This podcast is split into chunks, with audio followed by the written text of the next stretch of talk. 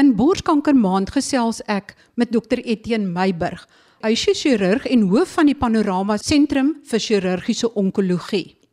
Dr Meiburg, 'n mastektomie is 'n woord wat baie vroue vrees. Is daar al verandering in die benadering die afgelope 10-20 jaar aan hoe jy opereer en wanneer jy 'n rekonstruksie doen? Word dit nou al meer onmiddellik gedoen? Hoe werk dit deesdae? Marie, baie dankie vir die geleentheid om te gesels. Um goeders wat in borskanker baie verander het, is ek dink twee groot goeders. Die een is dat ons in die ou dae was dit altyd so elke borskanker pasiënt het eerste operasie gekry. En ek dink ehm um, die hele spektrum het het verander dat baie pasiënte nou eers mediese tipe behandeling kry, het sy chemoterapie of antihormoonbehandeling.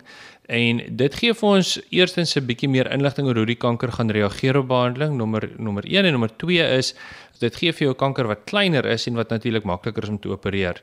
Deel daarvan is om met ander woorde nie 'n mastektomie te hoef te doen nie. So in beginsel 'n mastektomie is nie die standaard behandeling vir borskanker nie. Ons wil graag die kanker volledig uit hê. Verkieslik wil jy dit doen sonder om die hele bors te verwyder. So meeste van ons pasiënte kan of 'n tumoreksisie kry waar ons net die kanker verwyder. Dit is wanneer jy 'n relatiewe klein kanker het met 'n bors wat groot genoeg is dat jy 'n stukkie kan uitsny sonder om 'n gat daar te los en of ons doen wat ons noem 'n onkoplastiese operasie of 'n terapeutiese mastoplastie. Dis 'n vreeslike woord, maar in beginsel gebruik ons die tegnieke wat plastiese chirurge ontwikkel het om borsreduksies te doen. En in plaas van dan nou om sommer nou maar net weefsel uithaal en weg te gooi, haal ons nou eintlik die kankerweefsel uit en dan gebruik ons die res van die borsweefsel, herrangskik dit en maak 'n bors wat 'n bietjie kleiner is, 'n bietjie hoër sit. En ek dink veral in ons Suid-Afrikaanse konteks, ons het oor die algemeen dames met groter borste en hulle is by uitstek geskik vir hierdie tipe ding. Baie pasiënte is so bly as hulle hoor hulle kan 'n borsreduksie kry dat hulle alsof amper vergeet hulle het 'n kanker gehad vir die groep waar ons wel mastektomies nog steeds moet doen, sê maar 'n baie groot kanker of 'n baie gevorderde kanker of iemand wat sê maar 'n oorerflike geneigtheid het vir kanker, vir daai pasiënte sal ons altyd die opsie van onmiddellike rekonstruksie aanbied. Dit is 'n vrou se keuse om te sê ek wil graag 'n platbors mastektomie, maar ek my ervaring is baie baie min vrouens kies dit. Die meeste pasiënte sal graag wil 'n rekonstruksie hê as 'n opsie doen julle dan in dieselfde teater onmiddellik na die kankerweefsel uitgehaal is onmiddellik die rekonstruksie?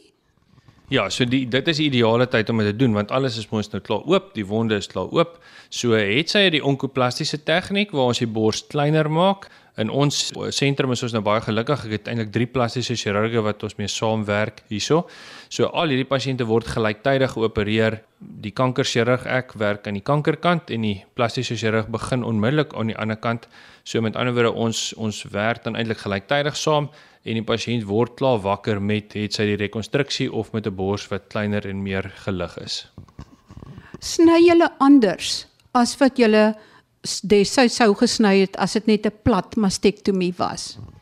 Ja, in die ou dae ehm um, is 'n mastektomie gedoen so half deur 'n elliptiese tipe snit te maak wat eintlik die bors weefsel maar ook die sentrale deel van die vel van die bors verwyder. So jy het eintlik die vel minder gemaak en dan het jy op die ou end opgeëindig met 'n litteken wat so half skuins oor die borskas geloop het en ek sê baie keer vir pasiënte uh, amper so half 'n uitgeholde borskas agtergelos het wat 'n baie onnatuurlike voorkoms het. In vandag se tyd selfs al moet ek 'n mastektomie doen, wil ek graag die die snit op so 'n manier beplan dat dit nie dwars oor die borskas loop nie. Nommer 1 en nommer 2 is dat die borskas 'n meer natuurlike egalige vorm het en ons doen dit deur ons snitte aan te pas. So ons sal byvoorbeeld 'n snit maak wat op die ou end onder in die vou onder die bors opeindig en nie dwars oor die bors nie of ons gebruik dieselfde tipe snitte as wat ons sou doen vir 'n borsreduksie. Uh is eintlik so 'n omgekeerde T-vorm op die ou einde. So selfs al verwyder ons die tepel, al verwy maak ons die vel 'n bietjie kleiner, dan eindig ons op met 'n litteken wat eintlik die bors baie mooi natuurlik bymekaar bring en in plaas van om daai oortollige vel net weg te weg te sny en op die ou end weg te stuur um, wat ons doen is ons hou daai vel want die vel is nie deel van die bors weefsel nie. Vel borskanker is iets wat van die bors klierweefsel ontwikkel, nie van die vel nie. So ons kan daai vel hou en ek kan daai vel eintlik gebruik om al klaar klein bietjie ekstra volume in die binnekant van die bors te gee sodat die borskas vorm 'n klein bietjie meer natuurlik en 'n bietjie meer egalig is en nie die ou tradisionele mastektomie vorm nie. Is dit moontlik om in meer gevalle as voorheen die tepel te behou? Verseker, kom ons sê wat kankerpasiënte betref, sal ons gewoonlik sê as ons te doen met 'n vroeë stadium stadium 1 of 2 kankers, uh, selfs miskien sommige van die stadium 3 kankers, maar ons sal gewoonlik sê stadium 1 en 2 as die die kanker meer as 2 of 3 cm weg van die tepel sit, dan het ons definitief die opsie om die tepel te bou. So ek sal sê in meeste van my pasiënte probeer ons om die tepel te hou. In oor erflike kankerpasiënte, pasiënte wat 'n BRCA mutasie het en wat met ander woorde 'n hoë risiko het om kanker te ontwikkel, ons sal baie keer vir daai pasiënte 'n risikoverminderingsoperasie doen, uh, profylakties as jy dit wil so noem.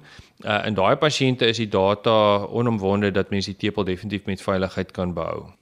Hoe groot area rondom die ehm um, kanker moet jy wegsny om seker te maak dat daar nie infiltrasie verder is nie? So ek dink ehm um, makroskopies wanneer ek in teater is en ek en ek is besig met pasiënte vra altyd vir my hoe lyk die kanker? So ek sê altyd ek wil nie die kanker sien nie. Ek wil die kanker omsingel so so en ek wil hom eintlik meerendeels kan voel. So met ander woorde ek werk op gevoel of as 'n kanker te klein is om te voel sal ek hom lokaliseer op 'n manier en ek weet daar's met ander woorde 'n kankertjie hier in die middel, maar ek wil graag makroskopies wil ek probeer om 'n sentimeter van reserve om die kanker te hê. Uh as die patoloog natuurlik na die kanker kyk, dan sal hy sien maar hy is klein areetjies van infiltrasie wat die kanker verder strek as wat hy eintlik lyk of voel, maar ons wil dan seker maak dat daar darm 'n paar millimeter van skoon weefsel om die kanker is, dan kan ons met sekerheid sê die kanker is volledig verwyder. So 1 cm rondom is genoeg. Dis korrek ja, vir makroskopies maak ons vir 'n sentimeter rondom. En dit wat jy ekstra vat, meer as dit eintlik geen nie ekstra voordeel by nie. Dis hoekom ons sê mastektomie is nie beter as 'n borsbehoudende tipe operasie nie. Is dit dan omdat die borskanker eintlik sistemies is? So as mens terugdink sê maar in die vroeë 1900s was daar hierdie massiewe groot borskankeroperasies gedoen. Ehm um, professor Halstead is al bekend gewees um, om die mastektomie, die radikale mastektomie te ontwikkel en een van sy gesegdes was dat die een wat die bors verwyder moet die aardsvyand wees van die een wat die bors probeer toewerk. Dit was sy motto gewees. So So en ten spyte van hierdie verskriklike mutilerende groot operasies was die oorlewingssyfer van borskanker maar in die omgewing van 20% gewees. Die ding wat 'n groot verskil gemaak het is anti-estrogenbehandeling, bestraling, chemoterapie en so ons kon oor die jare kleiner operasies doen, nog steeds die kanker volledig verwyder, maar met hierdie bykomende behandelings kon ons die suksessyfer van stadium 1 borskanker is goed bo 90% oorlewing, stadium 2 borskanker behoort goed bo 85% te wees. So ons kon die sukses van borskankerbehandeling beter maak en nie omdat ons operasies groter geword het nie, maar juis omdat ons die pakket gebruik van gebruik chemo, gebruik bestraling, gebruik antihormoonbehandeling, die kombinasie maak dit suksesvol, nie groter operasies nie. So is baie belangrik dat pasiënte moet besef die behandeling van borskanker is nie 'n nette operasie nie en dit dit is 'n baie belangrike deel daarvan maar hierdie ander komponente is die goeters wat maak dat ons jou beskerm want op die ou end jy het nou reg gesê sistemiese siekte met ander woorde wat maak kanker gevaarlik is die feit dat dit die vermoed om van die bors af ek praat altyd van kankersaadjies so saadjies uit te stuur wat sirkuleer en daai saadjie gaan sit in jou long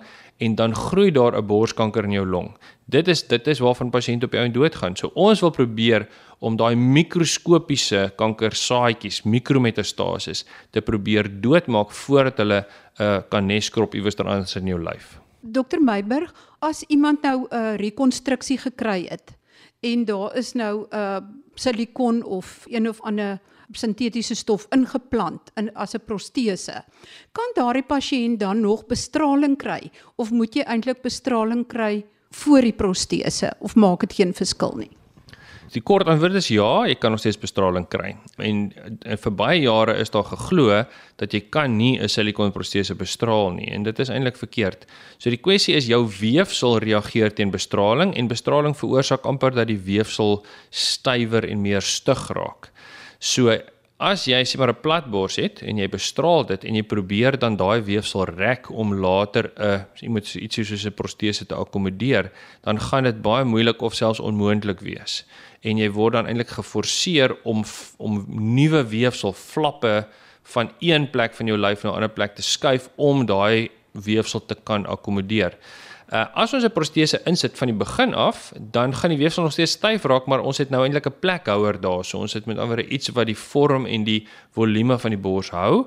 En ja, die weefsel kan styf raak om daai protese, maar dit is baie maklik om daardie laagie littekenweefsel wat vorm te gaan wegskil. So ek ek dink die gedagte wat baie mense het is om te sê, weet ek sê altyd 'n rekonstruksie is 'n proses. Dit is nie 'n prosedure nie.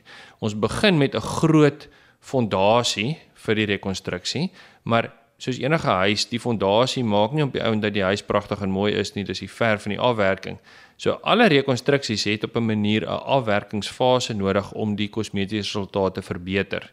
En natuurlik hang dit af van waarmee die pasiënt tevrede is. Party pasiënte is tevrede net met volume en 'n basiese vorm. Ander pasiënte wil graag dit perfek hê of so naby aan perfek as die ander kant se bors. Maar in terme van die bestraling, mens kan 'n bors bestraal met 'n protese in. Die protese hoef nie uitgehaal te word nie, maar mens moet net weet dat dit gaan met ander woorde opvolgprosedures verg. Ek dink een van die goeters wat ons uh baie sterk aanbeveel vir ons pasiënte is om 'n sessie van lipofulling te gaan doen. Dis waar jy met ander woorde vetselletjies van een area in jou lyf leen of steel uh, met 'n liposuig kateter en dan swaai ons die die selletjies ons gebruik die selle ons gooi die vog en die olie en die goed weg en daai selletjies word met 'n met 'n spesiale naald in die bors ingespuit in klein stringetjies.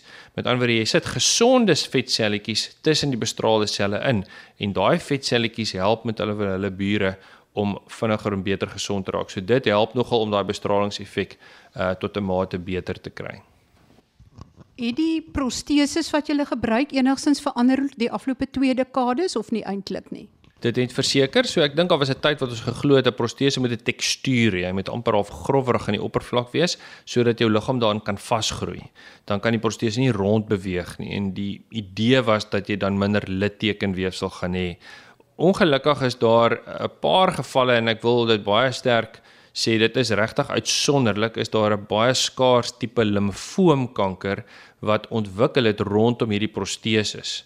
Um en dit het eintlik die hele industrie uh, internasionaal genoop om eintlik die protese te verander. So nou gebruik ons eintlik 'n uh, 'n meer gladde tipe protese. Uh daardie oudtydse grouwe proteses is glad nie meer beskikbaar nie. Um so dit is wat ons heidaglik standaard gebruik. Ek kry baie keer pasiënte wat sê maar hulle het nou gehoor van hierdie storie en hulle wil nou eintlik hulle proteses laat uithaal en vervang. Daar's geen rede dat jy 'n ongekompliseerde gesonde protese moet gaan uithaal net omdat daar teoreties hierdie risiko is nie. So ons sal gewoonlik net 'n protese uithaal en vervang as daar 'n komplikasie daarvan ontwikkel. Waarom sal chirurge by 'n sentrum of wat borskanker pasiënte chirurgies moet behandel, waarom sal hulle nie in een prosedure die kanker verwyder en 'n rekonstruksie doen nie? Is daar enige rede waarom hulle dit nie doen nie?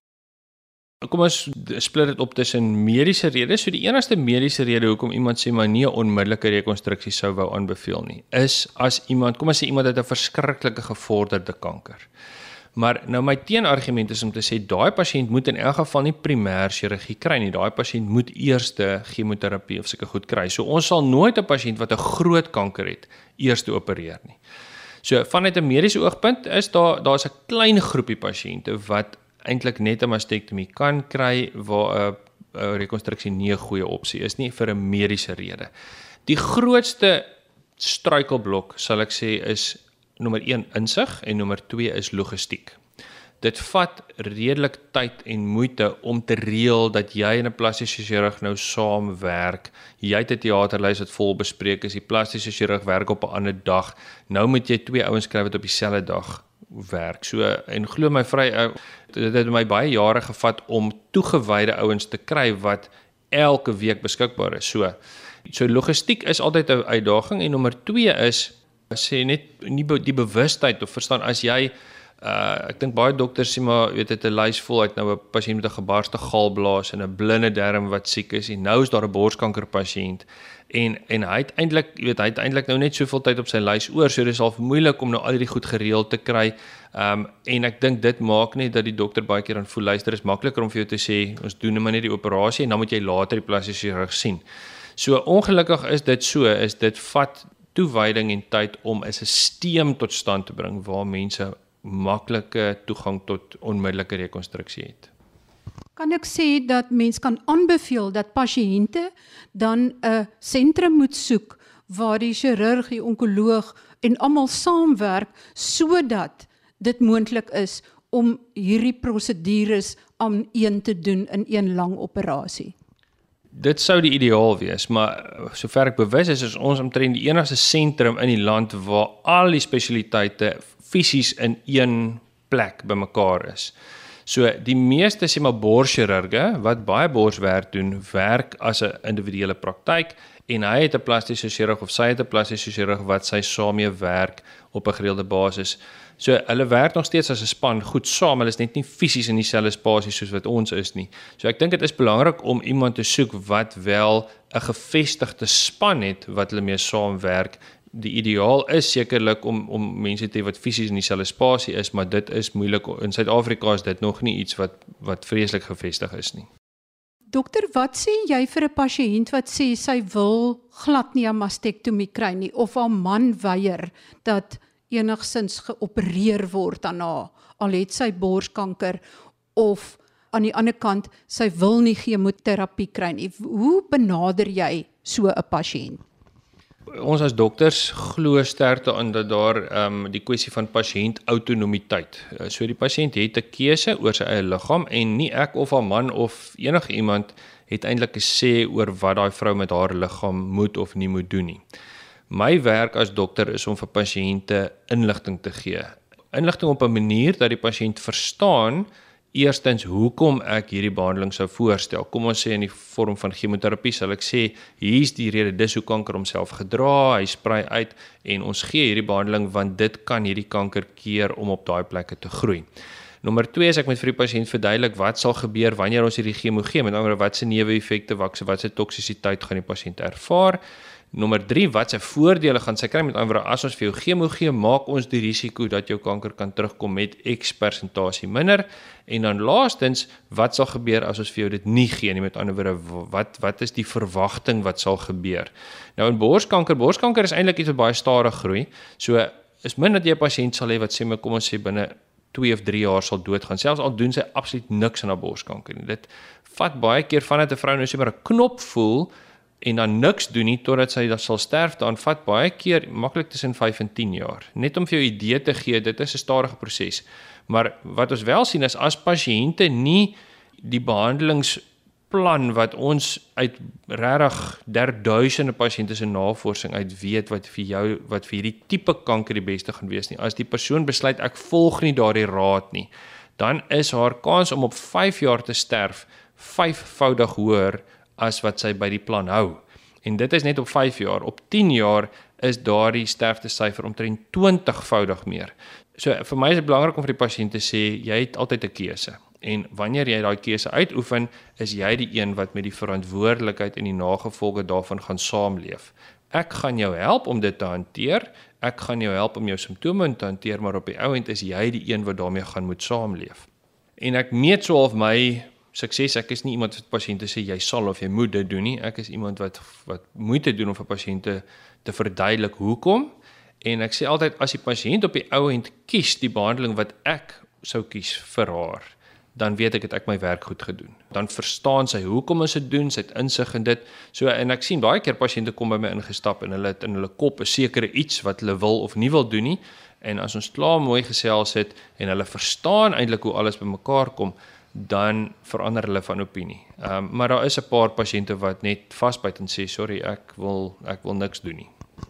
Is daar pasiënte wat by jou kom uh, wat sê nee, hulle wil eerder cannabis gebruik of krye of ander alternatiewe medisyne?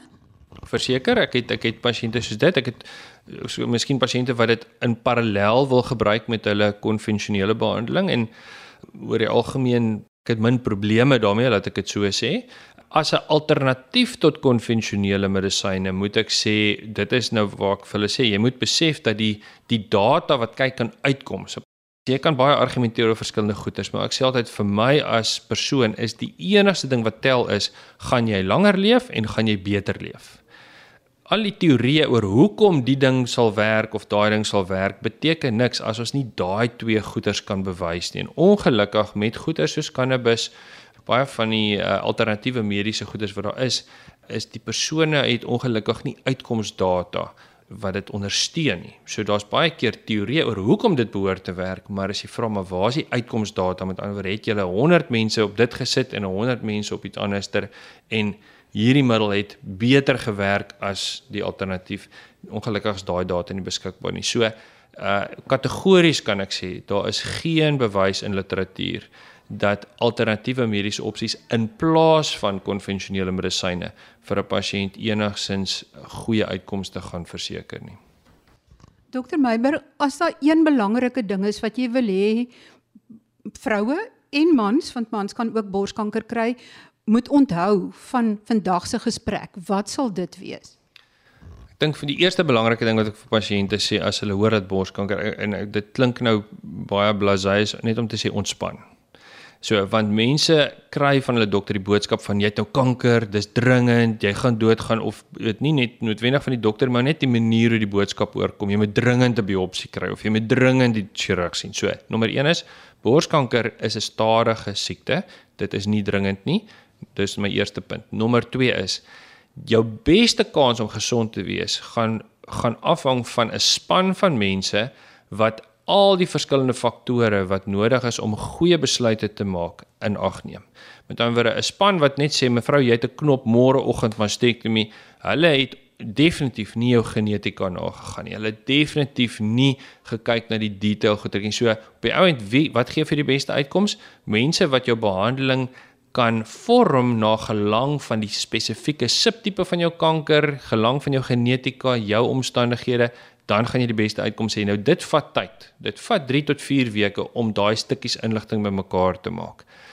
En dan laastens wat ek sal sê is dit is jou reg om 'n dokter te hê wat jou vra antwoord, wat vir jou opsies gee, wat nie net vir jou sê mevrou kom môre doen ons 'n mastektomie en jy het nie 'n ander keuse nie. As jy en ek sal baie maak, ek sê altyd jy moet vir jou dokter vra, hoeveel van hierdie, hoeveel borskanker sien jy in 'n jaar? Want die data sê baie duidelik as iemand minder as 50 borskankers in 'n jaar sien, is die pasiënt se uitkomste omtrent 20% swakker. Nie omdat die dokter nie die operasie kan doen nie, maar oor die besluitneming en die verskillende goeters. Borskanker het 'n baie komplekse akademiese onderwerp geraak en ek dink dit is dit is definitief iets waar meer volume beter uitkomste gee. So vra jou dokter, vra vir opsies, vra vir verduidelikings en as jy 'n dokter het wat net vir jou sê, met luister, jy moet doen wat ek vir jou sê, dan is dit miskien 'n waarskuwingsteken om te sê jy moet dalk 'n tweede opinie kry. My gas vandag was dokter Etienne Meiburg, chirurg en hoof van die Panorama Sentrum vir Chirurgiese Onkologie. Volgende week gesels ek met 'n onkoloog en ook met 'n pasiënt. En julle kan gerus julle vrae aanstuur enige vrae oor borskanker aan gesond@rsg.co.za en dan die laaste woensdag van die maand beantwoord die onkoloog Dr Lizaan Langenhoven en Dr Etienne Meiburg die vrae wat julle aan ons gerig het. So laat waai met die vrae oor borskanker aan gesond@rsg.co.za. Tot volgende week wanneer ons dan weer oor borskanker gesels. Baie groete van my, Marie Hudson.